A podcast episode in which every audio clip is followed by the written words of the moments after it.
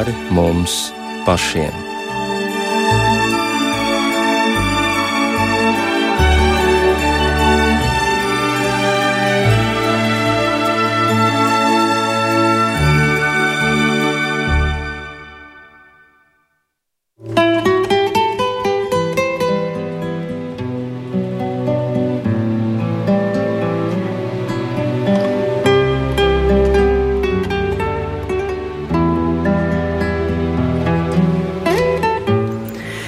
Esiet sveicināti raidījumā pāri mums pašiem, lai ir slavēts Jēzus Kristus. Studijā Inte Zēgnere par skanējumu rūpējas Iveta Zvejniece, bet mūsu raidījuma viesi ir teoloģijas doktors Latvijas evaņģēlas kultūriskās baznīcas mācītājs emeritus, vairāk grāmatu autors. Es gribētu vēl tomēr paturpināt šo sarakstu arī Zemes sardzes kapelāns un Lutera akadēmijas pasniedzējs Guntis Kalme.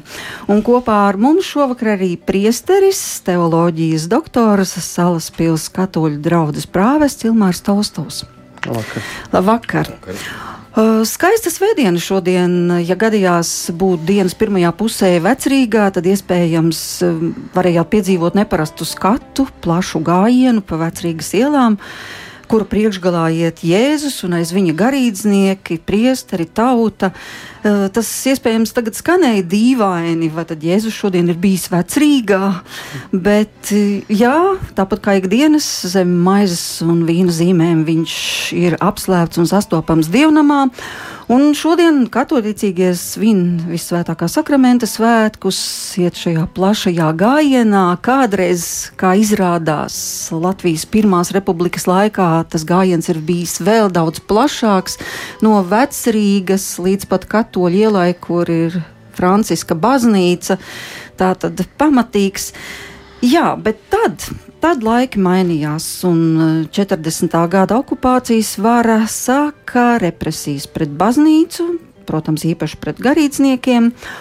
Un jau pēc dažām dienām būs 14. jūnijas, kad mēs atcerēsimies, ka 1941. gadā vairāk nekā 15,000 Latvijas pilsoņu tika deportēti no Latvijas. Daļu uzreiz arestēja, nogādāja dažādās ieslodzījuma vietās. Un uh, tad, 41. gadā, tā bija pirmā deportācija, bet ne pēdējā. Un, kā uh, zināms, arī garīdznieki bija pakļauti šai mehānisma struktūrai, šīm represijām, bet ko tad mēs zinām par garīdzniekiem Latvijā, kādi ir bijuši šie represiju ceļi? Par to mēs runāsim raidījumā.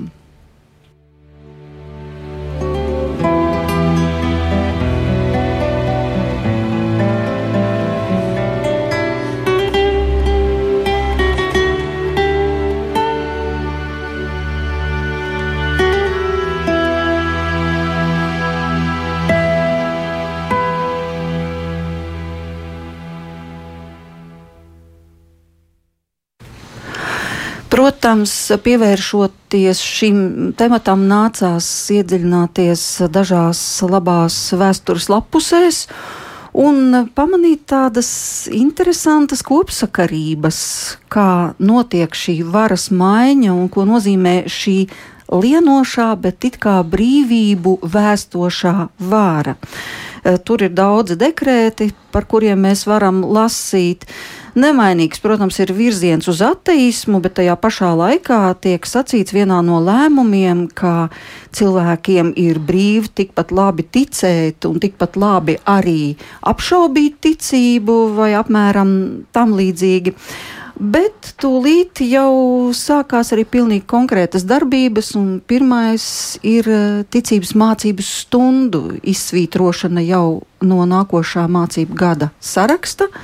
Tālāk seko daudzi citi aizliegumi, un varbūt Gunte, jūs vēl varat par dažiem pastāstīt, kā notiek šis it kā brīvību sološais režīms. Uh, uzreiz, kā sacīja viņas brālis Prāves Stolsovs, neesmu, doktor, neesmu vēsturnieks, bet uh, atceramies 1919. gadu, 22. maija, Baltijas martīru diena.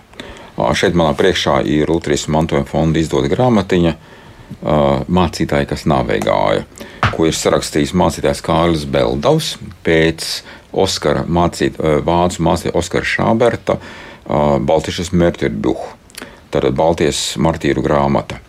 Uh, viņš ir apkopojis tur 26 vācu un latviešu mācītāju liecības cietumā par šo uh, laiku. Ja? 22. maijā tad, daudz no viņiem tika arī fiziski nošauti. Ne visi, bet ļoti daudz. Ja? Un uh, šī liecība šī grāmata apkopotās liecības jau parāda to, cik šī ateistiskā vara ir bijusi uh, nu, burtiski vārdu visciešākajā nozīmē sataniska, vēlnišķa, karojoša, brutāla. Vienkārši brutāla. Runājot, teiksim, te jāierauga uzreiz tā lielā aina, un tad skatāmies, kā viņa konkretizējas mūsu gadījumā un daudzos citos gadījumos. Respektīvi, šīm vajāšanām ir divi nozīmīgi cēloņi. Ir metafiziskais vai pārdabiskais, un fiziskais vai tur konkrēti politiskais, kas šī gadījumā ir, piedodiet, brutālā no civilizācijas attīstības viedokļa totāli atpalikusi Krievijas civilizācija, kādu mēs viņu šodien ieraugām, pilnīgi klaji. Toreiz viņa nebija savādāka, ja? viņa tikai savādāk maskējās. Saucās PSRS, bet tā bija vienkārši Krievijas 4. impērija ja? ar visiem saviem impēriskiem e, plāniem. Un viens no šiem plāniem, protams, bija, bija atgūt atpakaļ uh, viņas it kā zaudētās teritorijas, bet ko Leņķins bija sacījis, ka viņas būs brīvas un tā, tā, tā un tā joprojām. Nekas tāds, protams, nenotika. Ne? To mēs ļoti labi zinām. Galvenais, ka mēs to, ja mēs to saprastu. Un viens no cilvēka brīvības nodrošinātājiem ir baznīca. Kāpēc? Tāpēc, ka baznīcas idejiskums, negribu teikt ideoloģisks, bet idejiskums ir pārpasaulīgs. Un pilnīgi skaidrs, ka eh, teiksim, komunistiskai varai, kuras idejiskums ir balstīts šajā šajā pasaulē, pār, pārējošajā materiālajā, utilitārajā, pragmatiskajā pasaulē. Tas fakts, ka viņai līdzās ir baznīca, kuras idejiskums ir dievišķi atbalstīts, ir totāli neciešams. Viņi nespēja to organiski panest. Ja? Līdz ar to šī autoritāte, kurai nav nekāda fiziska spēka, bet ir milzīgs garīgi mor morālais spēks. Tā, protams, ir jāiznīcina, vismaz viņi ir jāpazem, jāpazemo un jācenšas viņu kaut kādā veidā vai nu pakaļaut, infiltrēt, ne, vai kaut kādā veidā noniecināt, nonīcināt un tam līdzīgi. Ja? Nu, tā saucamā padomju vara e, Latvijā 1919. gadā bija ļoti neilga, dažas kādas deviņas mēnešus, bet tas bija sarkanais terors, kas burtiski slīcināja Latviju asinīs. Ja? Tāpēc nebrīnīsimies, ka daudz no kompartijas paši pārgāja tiksim, Latvijas uh, dienestā, daudzi no 19. gadā. 19. gadā, daudzi arī no tās saucamās jukuma vāciešu vadītās latviešu sarkano strelnieku divīzijas pārgāja Latvijas armijas pusē un pēc tam ļoti veiksmīgi karoja gan, gan, uh, gan tā teikt brīvības cīņās vai neatkarības karā un pēc tam vēlāk arī leģionā. Nu, piemēram, tas pats uh, Vilis Jānums, jā, lielisks otrā pasaules kara taktiķis, starp citu. Uh, nu, lūk, uh, un tad, kad mēs nonākam līdz 40 gadam, nav nekas jauns. Tā pati sistēma vienkārši atkārs, atkārtojas no jauna. Atcerieties, ka līdz tam laikam uh, Krievija ir jau ieņēmusi un pakļāvusi sev citas uh, zemes un izplatusi šo so, so varu atkal mēģinot atjaunot bijušo Krievijas impēriju. Kas patiesībā sakot, jāsaka, diemžēl viņai arī izdevās izdevās vēl ar milzīgu uzviju. Atcerieties, visas tās osmās sociālisma valstis. Ja? Atcerieties, piemēram, Albāniju, kur kristīgā baznīca fiziski tika iznīcināta pilnīgi. Pilnīgi, simtprocentīgi. Ja? Tā bija ateisma valsts. Un skaidrs, ka teiksim, baznīcas, teiksim, piemēram, ja mēs runājam konkrēti par Latviju, skaidrs, ka normālā reakcija ir bailes pašsaprotami, vai ne? Jo viņas apzinājās, cik baisa brutalitāte viņām draud. Un jautājums ir, kā uzvesties šādā gadījumā. Tas ir ārkārtīgi grūti. No vienas puses ir Kristus pavēle eh, apliecināt savu ticību līdz galam, bet no otras puses ir katra cilvēka dabiskās bailes. Punkts viens, punkts divi eh, - baznīcas bailes vai baznīcas teiksim, vadības bailes ir vēl papildus kādā veidā saglabāt savu institūciju. Ja? Un tad tur ir ārkārtīgi sarežģītā situācija. Neielaidīsim, iesaistīsim tur tur jautājumā teiksim, par kolaborāciju un tam līdzīgi, kas ir ārkārtīgi morāli sarežģīts jautājums un, un ļoti sensitīvs, neapšaubām, joprojām. Ja, ne? Taču tas, ka šis laiks ir nu, kā jau pasaka, vēlnišķuma postežas laiks, pilnīgi simtprocentīgi. Jo šis nav vienkārši ateisms, kas būtu teiksim, dieva noliegums, un tad jūs drīkstat dievu noliegt vai nenoliegt, domājot, kā jūs gribat, un, un, un valsts neiejaucās, valsts un baznīca ir šķirta. Un tā tālāk. Un tas bija rakstīts. Tas bija rakstīts. Uz papīra. Protams, protams, bet e, drīzāk bija jāsaka tā, ka baznīca bija šķirta ne tikai no valsts, bet baznīca jau bija šķirta arī no sabiedrības. Tur bija tas. Baznīca bija patiesībā sakot, nolikta kaut kādā sociālajā ziņā, kaut kādā otrās un trešās šķiras uh, līmenī. Un viņas Kā teica profesors Roberts Feldmans, kurš pats tika izsūtīts uz Arhangelskas leģeri Irkutskas, ja, tad viņš teica, ka baznīcas vienīgās tiesības ir tiesības nomirt. Ja, Nu, viņš bija to pieredzējis un redzējis, kā tas viss notiekās. Tāpēc eh, par to nav jābrīnās. Jāredz tikai tas, ka caur šo konkrēto Krievijas eh, politisko režīmu ir izpaudusies klaja vēlna vara. Tieši tāpat vara, kas nogalināja Kristu, tieši tāpat vara, kas vajāja apstuļus, tieši tāpat vara, kas vajāja senbaznīcu. Tieši tāpat. Viņi vienkārši pār, vienalga sauciet, reinkarnējās vai jebkurā citā konkrētā politiskā uh, organizācijā, kas vienkārši šo te vēlnu varu dara tālāk. Viņai nav jābūt vienai, tās var būt vairākas. Atceramies to, ka teiksim, nu, komunistiskā ideoloģija bija ne tikai Padomju Savienībā, bet arī Ķīnā, Kambodžā un tam līdzīgi. Uz viņas rēķina, uz komunistiskās ideoloģijas rēķina pēc uh, Rudolfa Ramela uh, pētījuma datiem ir vairāk nekā simts miljonu cilvēku dzīvību. 100 miljoni. Tas ir vienkārši prātam neaptverams skaits. Ja? Pie tam nu, tas ir pēdējos kaut kādos nu, nepilnos simts gados. Baisi, baisi. Un uh, zinātnieki ir atzinuši, nu, baznīcas vēsturnieki, ja, proti, ka uh, vislielākās ticīgo vajāšanas nav bijušas pirmajos gadsimteņos, par kuriem mēs lasām baznīcas vēsturē, bet tieši 20. gadsimtenī vislielākās baznīcas vajāšanas bijušas tieši 20. gadsimtenī, par kuru mēs taču gribētu domāt, ka tas taču, nu, es nezinu, nu, gan vai attīstīts un humāns un tā tālāk, un tā joprojām nekāda humānisma nebija. Ja? Divi baisi, drīzāk jāsaka, trīs baisi pasaules kari, ja augsto karu uzskata par trešo vai ne. Nu, tagad mums ir ceturtais, patiesībā sakot, arī pasaules karš, un tieši ar šo pašu varu tieši ar šo pašu varu. Nebrīnīsimies, skatoties, ko viņi dara Ukrajinā, ko viņi dara teiksim, Ukraiņu baznīcām un tam līdzīgi. Ja. Uh, ja, tas, tas, tas tā pati vara, nekas nav mainījies. Runājot teiksim, par deportācijām, tas ir viens no paņēmieniem, kādā veidā izpūstīt attiecīgo teiksim, tautu, nāciju tajā zemē, ievest teiksim, kolonistus. Tas jau bijis. Tas jau ir no Krievijas pašiem, pašiem pirmsākumiem. Paskatieties, kā Ivans III iznīcināja Novgorodas republiku. Tieši tas pats. Tas vienkārši tas mehānisms darbojas nemitīgi. Ja? Dekorācijas, lai mums nemūsina dekorācijas, viena un tā pati vara ar vienu un tā pašu mehānismu atstrādā. Un nebūtu, piedod, nebūtu pareizi, ka lietojam vārdu deportācijas. Tā ir aizvešana verdzībā, aizdzīšana verdzībā, vārda vistiešākajā nozīmē. Tieši tāpat kā tas bija teiksim, Ivana Bargā laikā, kad teiksim, ienāca, ienāca viņa karaspēks un no teiksim, cēsim, cēsim apkārt no vidzemes aizdzina 40 tūkstošus. 40 tūkstoši. Nu, ar ko atšķirās 41. un 49. gada deportācijas? Zina tikai ar to, ka šoreiz nevis aizdzina kājām, bet aizved ar lompagoniem. Vienīgā atšķirība, citas nekādas. Piedodiet, es tagad labprāt dotu vārdu. Mm.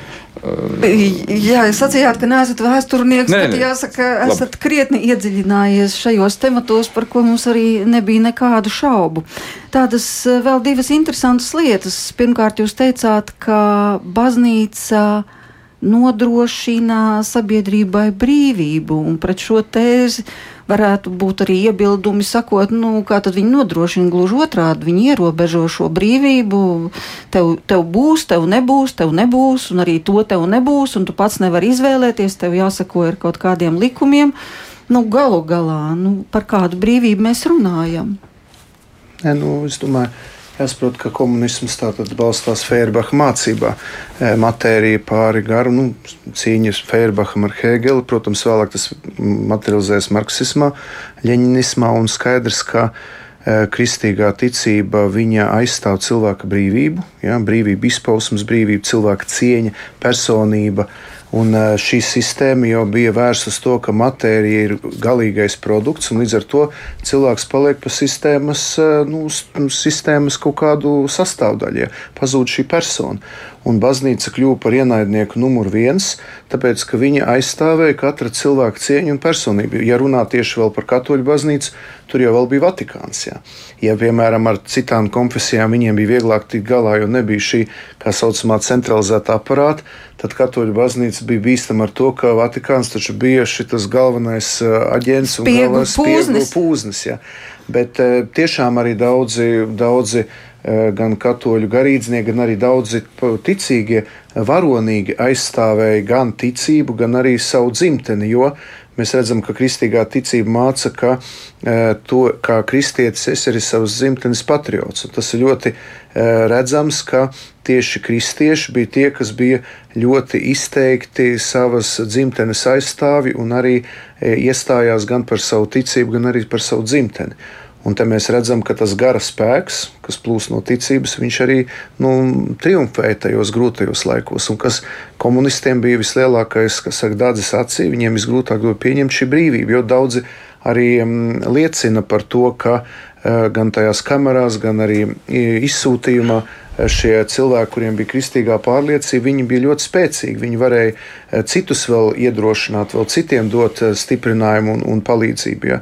Tā kā mēs redzam šajā kristīgajā ticībā, eh, viņiem bija milzīgs spēks, kas, kas bija nu, kā jau te runāja arī, kad tas satanisms, ja, ka tas bija ar milzīgu spēku jāiznīcina, jānoizolē, lai netraucētu šim šeit komunistiskai diktatūrai, ideoloģijai pārņemt cilvēku prātus un viņus pilnīgi nu, unificēt un padarīt par sistēmas eh, tādiem nu, produktiem. Tātad starpība patiesībā ir eh, kur tu redzi savas dzīves mērķi. Eh, ja tu redzi, ka tava dzīve ir tik, cik tu redzi sev apkārt un vairāk pēc tam neko māca attīstības, tad ir skaidrs, ka, nu, tad, ja tu pazaudē to, tu pazaudē visu. Bet, ja ir bijis šis dievišķais pieskāriens, tu saproti, ka šis ir tikai tāds pārējais posms tev. Tev ir citi kriteriji, no tā izriet tā brīvība. Es domāju, ka tieši uh, moceklības situācijā, tad, kad nāca šie grūtie laiki, tieši tie cilvēki, kas jau tajos laikos, kad vēl Latvija bija brīva, ja viņi, kad viņi bija ieguvuši šo pārliecību, ja gara pārliecību, ka viņi bija atzimuši garīgi, viņi arī spēja pārdzīvot tos grūtos laikus. Ja viņiem bija eh, nu, ļoti daudz liecības, kas saka, ka tieši cilvēki ar tādu kristīgu pārliecību, ar, ar, ar attiecībām ar Jēzu, viņi spēja tam tik daudz vieglāk pāri. Es atceros biskupa Boļislava Sloskāna mm. vārdus, kurš arī tika mocīts daudzos padomu cietumos, šķiet veselos 17, ka tas sargs, kas viņus sargāja, uz viņu skatījās, un biskups smaidīja. Viņš viņam prasīja, ko tu smaidi? Un biskups atbildēja, tāpēc, ka es esmu brīvs, bet tu tāds neesi. Nu, tad, tad par garīgo brīvību ir runa. Jo, protams, ka daudziem cilvēkiem bija arī tiem, kas uh, varbūt nebija kristieši. Mēs zinām, ka arī mūsdienu Latvijā un tā laika Latvijā bija arī cilvēki, kas nebija ar tādu dziļu kristīgu pārliecību. Viņus varbūt vadīja, e, piemēram, nu, nacionālās identitātes jautājums. Arī viņi šo spēku smēla tajā, ka viņi bija latvieši, ka viņi nāca no savām viensētām, ka viņiem bija sava kultūra. Bet tomēr mēs redzam, ka tikai un vienīgi ar e, nacionālo identitāti, ar savu kultūras identitāti ir par maz, ka ir vajadzīgs šis gara spēks, kas nāk no Kristus. Tā kā es domāju, šeit mēs varam tiešām arī pārdomāt par to, cik svarīgi, ka šajos laikos bija Mm, kristieši, bija garīdznieki, kas tomēr arī cilvēkus eh, mudināja nu, meklēt to atbalstu garīgajā pasaulē, tajā dvēseliskajā sfērā. Mēs uh, sākām runāt par 40. gada represijām un par to, kā tās tika piesaktas zem tāda brīvības karoga nosacīti. Un jau sacīja par to, ka sākot ar 40. un 41. mācību gadu ticības mācību tika pavēlēts svītrot no skolu plāniem. Ar 1. augustu tātad bija jāpārtrauc algas izmaksa visiem skolotājiem par ticības mācības stundām. Tad ministru kabineta lūk, 40. gada augusta lēmums likvidēja Latvijas Universitātes teoloģijas fakultāti, un tajā pašā laikā tas bija tikai sākums. Vēl pagāja divas nedēļas, sekoja lēmums, ar kuru tika slēgtas visas privātās garīga rakstura mācību iestādes, tajā skaitā arī ģimnāzijas ar kristīgu noslieci. Un e, teoloģijas fakultātes studentiem, kā izrādās, bija liekts turpināt izglītību arī citās fakultātēs, pat ja viņi bija ar mieru pāriet un studēt kaut ko citu. Un arī pasniedzējiem neļāva pasniegt teoloģiskos priekšmetus vai pasniegt citus priekšmetus citās fakultātēs. Protams, biblioteka. No turienes tika izņemts, no bibliotekām tika izņemts uh, viss uh, garīgais saturs laukā aizsūtīts uz spēcas fondiem. Bet nu, ar ko tad tu aizstāsi to tukšumu? To taču vajadzēja pakāpeniski ar, ko, ar kaut ko aizstāt. Nu, kā tad bez kristībām, bez kapu svētkiem, bez laulībām un vēl daudzām citām eh, lietām, kas bija cilvēkiem nu, sirdī ieaugušas? Un tad uh, dzimts rakstu birojas, kas drīkst apliecināt laulību, un nu, viss, kam padomju cilvēks cauri ir gājis. Bet katrā ziņā uz papīra tas izskatījās, ka ir it kā pilnīga ticības brīvība. Un tad par cilvēkiem, par garīdzniekiem, priesteriem, mācītājiem visās konfesijās, kas ir gājuši cauri šai represīvu mašīnai. Nu, kā tas ir evaņģēliskajā luteriskajā baznīcā? Jūs minējāt uh, profesoru Feldmanu. Jā. Nu, redziet, tā, uh, profesors Jauko Talonens savā grāmatā par par Lutāņu baznīcas staļinismu, tā teikt, žņaugu laikos, viņš ir savācis interesantu statistiku, Un viņš saka, teiksim, ja uz 40. gada, 40. gadu tad, tad jūniju ir bijuši 280 mācītāji, tad uz tad 41. gadu jau 166. Ja? Kopējais represijas skaits, tad, tad, ieskaitot deportācijas vai šo aizviešanu verdzībā, ir 35,000. Ja? Tad daudz cilvēku tika represēti šeit pat uz vietas.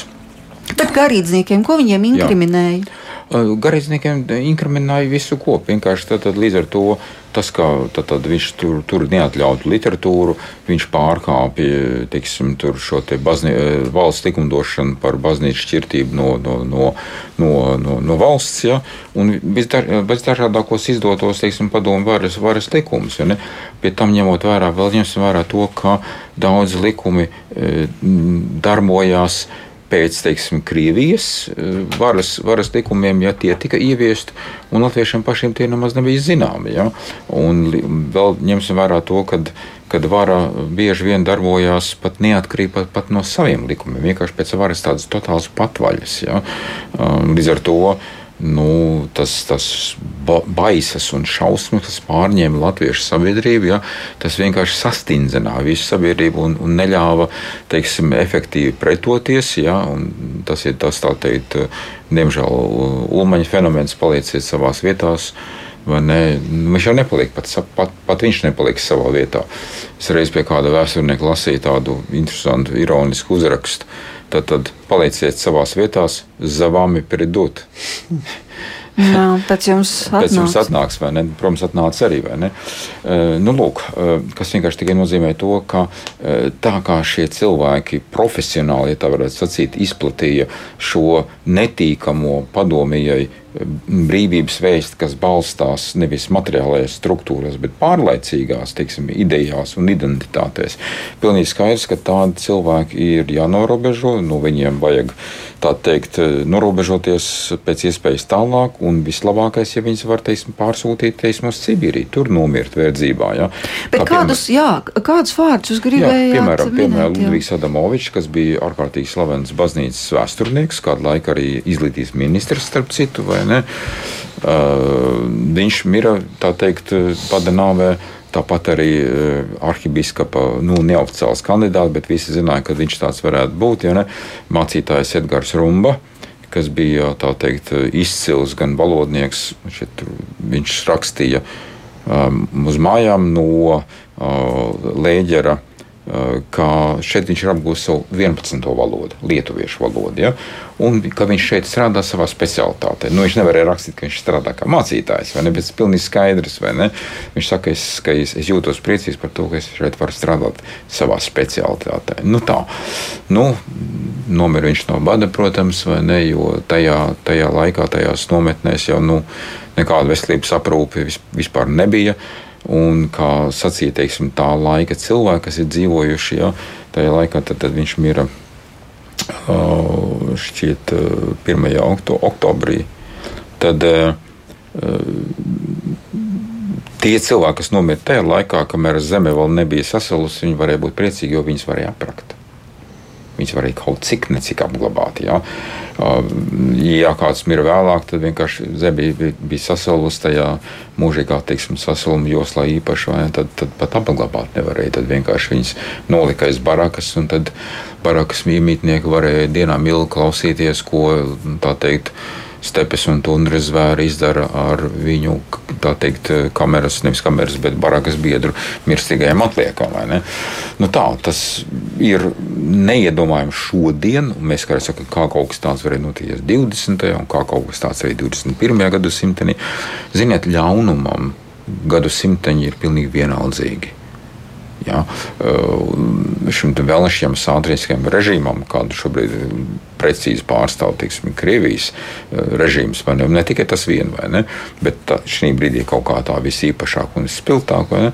Nu, tas nav nekas jauns. Kā jau sacīju, tā ir sistēma, kas vienkārši nemitīgi sev atstrādā. Jā, es atradu vēl kādu mm -hmm. vārdu. Augusts Briedis patiešām neko nebija zinājusi par viņu.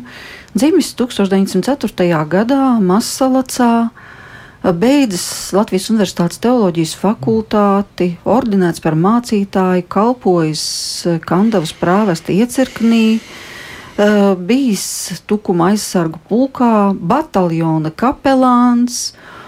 Un tad no 41. gada līdz pat nāves brīdim, kas bija 1950. gads, bija pirmais latviešu mācītājs Dundagas evaņģēliskajā luteriskajā draudzē, un arī viens no mācītājiem, kas e, piedalījās Skandavas piltenes prāvest iecirkņu mācītāju sapulcē Ārlavā. Un, um, ir rakstīts tā, ka spriežot pēc pieejamās informācijas, uh, pat uh, īpaša tur kaut kāda krimināla procesuālo darbību veikšana nebija pat fiksēta attiecībā uz uh, augustu briedi. Vienkārši notika pratināšana. Un uh, vietējā nodaļā viņš bija sists, sists līdz nāvei, un tad 1950. gadā arī nomot, nomocīts tādā veidā. Jā. Tas mm. Tas tikai liecina Šis vārds šī... man nebija zināms, jā, piemēram. Tas tikai liecina par šīs sistēmas brutalitāti. Ja? Un tas, ka viņa darbojās pat ārpus saviem ļoti brutāliem likumiem, lai tikai varētu īstenot savu vāras patoļu, nu, šis fakts tikai vēl un vēlreiz iegūst pie šī cilvēka biogrāfijas apliecinājumu. Paldies, ka jūs to atradusi. Jā, un savukārt no katoļu baznīcas visvairāk šķiet šobrīd skan varbūt trīs vārdi. Protams, bīskaps Boļuslavs Loskāns, bet arī priestars Vladislavs Litaunieks un arī priesteris Jānis Mendriks. Ko par priesteri Vladislavu Litaunieku jūs varētu sacīt? Jo, ja atceramies, pagājušajā gadā arī prezidents brauca pie viņa kapa Es domāju, ka tās biogrāfijas mums visas ir zināmas. Un, domāju, ka nav. E, nu, tur Mendrikam ir tagad gan Litāniekam, Sloskānam un, un tātad Mendrikam ir visi procesi iesākti arī, lai pasludinātu viņus par svētīgiem, bet es domāju, šeit ir tā, ka Nu, viens, viena iezīme tas, kas bija ļoti redzama, ka šie priesteri, tātad viņiem nebija nu, ģimenes, ja viņi dzīvoja tā kā celibātā un varēja uzskatīt, ka viņi nu, tādā ziņā viņiem bija grūtāk padomju varai, jo viņi nebija, nu, viņus nevarēja šant, šantažēt. Jā. Tas arī parādās kaut kur, ka viņi, nu, kā saka, jau, jau dzīvoja šajā tādā, nu, varētu teikt, tādā, viņiem nebija tās saistības, kuras var izmantot. Bet jāsaprot, ka Sloskānam tas ceļš ir caur um, ārzemēm, ja, un ļoti skaista bija filma, kur pavisam nesen rādīja arī, kas ir uzņemta saistībā ar ar um, priesteri Paskālu Mariju Jerumani, kas bija nāk no, no, arī no ārzemēm, no Beļģijas puses. E, tur parādās tas fakts, ka uh, biskups Boļislavs Loskāns viņš nevēlējās pamest savu diecēzi Baltkrievijā, uh, tur, kur viņš tur, bija. Viņš bija nozīmēts kā jā, un arī tad, kad viņš jau bija Solovku salās, viņš bija, var teikt, šokēts par to, ka viņu nu, samainīja ar to Latvijas, to, ar to Krievu spiegu, jo viņš vēlējās nomirt um, par savu tautu. Viņš vēlējās kā, nu, neatstāt savu ganāmpulku, viņam uzticēt. Uh, un tas bija ļoti spēcīgs tāds impulss, ka viņš gribēja pilnīgi piederēt Kristum. Viņš, uh, nu, var teikt, gribēja atdot savu dzīvību par Kristu, un tādā veidā arī tā, nu, pretojās režīmam tieši ar šo savu pilnīgo sevis atdevi. Eh, nu, un arī pārējie Lietuvnieki savukārt arī bija ļoti drosmīgs. Viņš eh, cēla baznīcu, viņš ļoti atklāti arī runāja par, eh, par Dievu, par baznīcu, un viņu nomocīja tādā Daugopulī, tajā pirmajā vajāšanu vilnī, kas bija saistīts 41. gadu. Un var teikt, ka viņš nu, ļoti atklāti nu, sludināja par Kristu un atklāti aicināja cilvēkus palikt šajā Kristus brīvībā. Tas ir ļoti raksturīgs viņam, un e, viņš tika ļoti brutāli nomocīts. Viņa kaps e, pie Višķu baznīcas ir tāda kā vieta, kur cilvēki brauc pat svētceļojumos. Un daudz arī liecina, ka, nu, lūdzoties pie viņa kapa, lūdzot viņa aizbildniecību, viņi saņem ļoti daudz žēlastības. Tā kā mēs ļoti ceram, ka gan e, biskups Boļislavs Loskāns, gan, gan arī Vladislavs Litānais, gan Jānis Mendriks arī tiks pasludināti par svētīgiem, par svētiem, lai mums būtu sava aizbildne, lai mēs varētu viņus kā piemērus nu, likt priekšā citiem cilvēkiem par šo varonību, ticības varonību, eh, varonību cīnīties pret, šiem, pret šo satanisko režīmu un, protams, arī lūgt viņa aizbildniecību. Jā, bet, ja mēs tā paskatāmies no cilvēciskā skatu punkta, dzīvo Latvijā ģimene. Labi, Latvijā tas ir grūts laiks. Latvijā tajā laikā tiek nežēlīgi uzspiesta pārkrievošana. Uh, 1909. gads, 28. augusts, piedzimst puisītis ģimenē, kuru nosauc par Vladislavu. Un tālāk brīnišķīga bērnība ar pieneņu pļavām un birzīm un latgales dabu un iešanu uz skolu un arī lūkšanu, kas jau no bērnu dienām ir svarīga ikdienā. Nu, es saprotu, viņš aug ar lūkšanu, viņš dievā ir iesakņojies. Tādējādi viņš arī sadzird šo dievu balsi, ka viņam ir jāturpina šis ceļš, sakot Jēzum, ka viņš vēlas kļūt par garīdznieku, atdot savu dzīvi pilnībā. Nu, un tad sako tas, ko tu sacīji, vienkārši nomainās vara 40. gads, kalpošana jā. Indrā un apcietinājums. Gribu pateikt, tā arī tāda dieva žēlastība.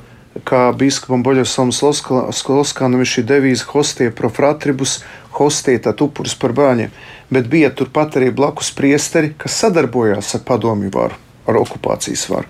Un mēs zinām, arī mūsdienās ir pat priesteri, nav nemaz tālu jāmeklē, kas arī joprojām atbalsta komunistu režīmu, piedalās 1. E, maija demonstrācijās ar pret, e, pret nu, spēkiem, kas ir pret Latviju. Ja?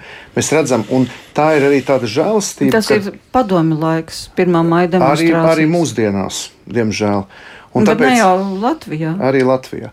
Un tāpēc es, es, es laikam varu, kaut ko nezinu. Jā, bet ir tāda lieta, ka ļoti svarīgi saprast, ka tajā laikā šie priesteri, šie garīdznieki, mācītāji, kas um, atdeva savu dzīvību par Kristu, viņiem bija šī žēlastība, viņi spēja saskatīt uh, tajā režīmā šo satanisko režīmu un nebaidīties drosmīgi liecināt par Kristus brīvību, tādā veidā viņi kļuva par šo uh, upuri.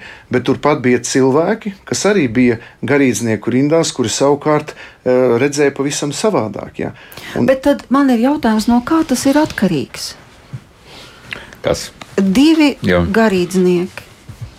un viens sev pilnībā atdod un gatavs savu dzīvību upurēt, Tas ir, un otrs tas ir jautājums par prioritātēm. Mm. Tas ir jautājums par prioritāti. vai par žēlastību. par prioritāšu konsekvenci un jautājums par to, kā apelsīns Pāvils saka, ticība esmu turējis līdz galam. Jautājums, vai mēs turam līdz galam. Tas gals var būt uh, savas fiziskās dzīvības gals, kas pāriet mūžīgajā dzīvībā, Dieva valstībā. Ja? Vai arī tas var Bet būt baiļu faktors. Baiļu Šis faktors? baiļu faktors, viņš ir vai tad, vai tad vienam Nav. garīdzniekam viņš ir un otram nav? Jā, cilvēki ir dažādi. Eh, Svētā rakstu, rakstu vārds saka, eh, bail- bailes nav mīlestībā.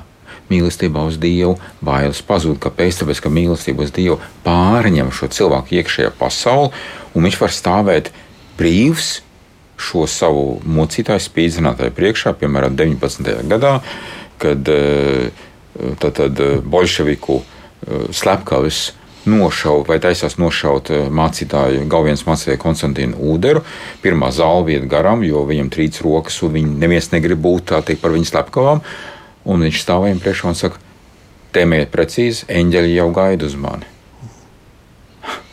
Nu tā, nu, jāsaka, ir jābūt eh, gan, gan, gan šai lielai kristīgai drosmei, ja, lai šādi tieši, skaidri, izaicinoši saviem slepkavām varētu pateikt. Un ļoti daudz mācītāju taču, taču ir ar tiem Kristus vārdiem uz lūpām, vai Dievs piedod viņiem, viņi nezina, ko viņi dara. Ja? 19. gadā tāda mācītāja arī bija starp vāciešiem un starp latviešiem. Ja? Bet interesanti, ka tad, kad mēs šos vārdus lasām Bībelē, nu, piemēram, par Svēto Stefanu, kuru nomētāja ar akmeņiem, un viņš teica, piedod, Jā, viņi, ne, nezin, viņi nezin, ko dara. Tad nu, mēs to uztveram nu, tā kā tādu Bībeles epizodi, nu, bi epizodi no grāmatas. Bet tad, kad tas skar konkrēti Latvijas situāciju, tad, tad tas pienāk, šī liecība pienāk pavisam tuvu. Jā, tā kļūst par īstenību, par daļu jau, jau no mūsu īstenības. Un tas ir tā teikt, izrādās, ka tā ir nevis grāmatas īstenība, bet tā ir dievišķā īstenība, kas ir klātesoša vienmēr. Ziniet, ka sākās šis karš, nežēlīgais, brutālais karš. Es pie savas baznīcas uzkāru salaspīlī. Ukra, Latvijas karogs jau man bija uzkāra Ukraiņas karogu. Nu, jūs zināt, man nav jāstāsta par salaspils situāciju, kāda mums tur ir eh, nacionālais sastāvs un arī, arī diemžēl, šī putinisma klātbūtne ļoti spēcīga. Ja? Un bija arī pirmajās dienās nu, tādi pat verbāli uzbrukumi man, un tādi nu, visādi mums tur gāja. Ja?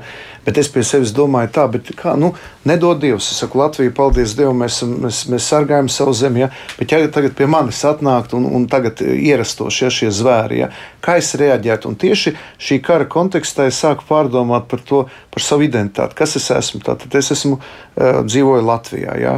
es uh, piedaru šai tautai, ja? es esmu kristietis, es esmu katolis, esmu priesteris. Ja? Un kāda būtu mana reakcija? Jo mēs dzirdam arī par Ukrajinu, ir taču garīgie semināri, kuri Krievi ir izpostījuši, ja? ir izdemolējuši. Ja? Ir ļoti daudz uh, liecības par draugiem, kur ir, uh, kur ir notikuši uzbrukumi, un, un mēs redzam, kā jau runājam par šo, par šo brutalitāti un par šo, par šo drausmīgumu. Ja?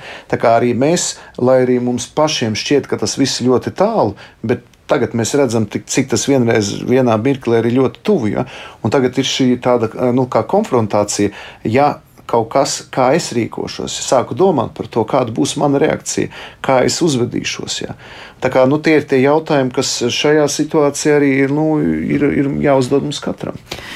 Mīlestībā nav baiļu, jūs sacījāt. Pilnīga es mīlestība.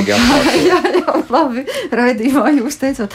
Tad mīlestībā nav baiļu, tad pilnīga mīlestība aizdzen bailes. Tas arī ļoti svarīgi ir atcerēties, bet tajā pašā laikā, nu, ko mēs varam zināt par sevi, cik lielā mērā mēs ar šo mīlestību esam, nu, kādu testu mēs sev varam uzrīkot.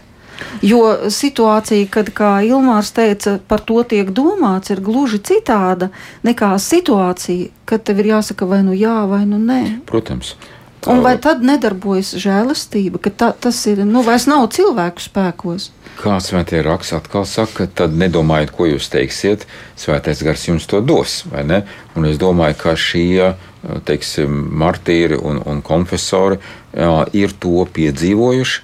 Um, noteikti arī katrs no, no ticīgiem ir to piedzīvojis kaut kādā mikro līmenī, ja eh, daudz mazākā, teiksim, ne tādā spriedzē, kad ir, atkār, ir atkarīgs jautājums par viņu fizisko dzīvību, ja, bet kaut kādā citā nozīmē. Un arī redzējis to, ka tas dievišķais pieskāriens apliecino dieva vārdu, viņš tomēr notiek. Mēs nevaram viņu prognozēt, ja? mēs nevaram paredzēt, mēs nevaram viņu ieplānot. Tāpēc, ka tā ir Dieva persona, kas darbojas pati teikt, pēc savas gribas. Un tur un tad un tādā veidā, kur un kad un kādā veidā viņa pati to vēlas. Ja, ne? jo tā ir personiska komunikācija, personiska saskarsme. Mēs minējām priesteri Vladislavu Litānieku. Un, e, Tomēr gribēju minēt dažus faktus no viņa dzīves. Kā jau Ilmārtu minēja, jā, viņš nodarbojās arī ar draudzes celtniecību. Um, nu, vienmēr sakot, darīja visu, ko vien varēja. Protams, ka tas ļoti nepatika, un tad viņu apcietināja 1941. gada 23. martā. Pie tam arī tas tika izdarīts tā ļoti viltīgi, jo viņam lika ierasties Daugaupīlī un pa ceļam vilcienā jau viņu apcietināja. Un pēc tam viņš tika ļoti zvērīgi mocīts, lai izspiestu no viņa uh, visas iespējamās atzīšanās par kontrrevolucionāru darbību un katoļu jaunatnes audzināšanu un tā tālāk. Bet pārsteidz tas, um, tie mocītāji pārsteidz. Tas, ka var garīdzniekam izlauzt plecu locītavas, tas, ka var spīdzināt līdz ģīpšanai, tas, ka pēc tam atgūstot samaņu, viņi turpina viņu spīdzināt. Tas, ka tad, kad es nelasīšu šeit visu aprakstu, protams, ka māte atbrauc un lai, raud, lai ļauj viņai pēdējo reizi vēl paskatīties uz savu dēlu. Protams, tas nav ļauts. Un tas, ka tad, kad 24. jūnijā viņam tiek izpildīts nāves sots, un divas dienas vēlāk uh, vācieši ienāk Daugaupilī un atrod cietumā šos masu kapus. Un atrod šo, tur šo priesteri litaunieku ar dzeloņdrāšu kroni galvā, un uz krūtīm dzīvām esot izgrieztu krustu un zem nagiem sadzītām naglām. Man ir jādomā, kas ir šie mocītāji, vai viņiem maz ir bijuši bērni, ko tagad dara viņu mazbērni. Par to mēs, protams, nezinām, bet, ja mēs runājam par cilvēku kā radības kroni, kurā Dievs ir gribējis ielikt savu līdzību un radījis pēc sava tēla un līdzības, tad kas ir noticis?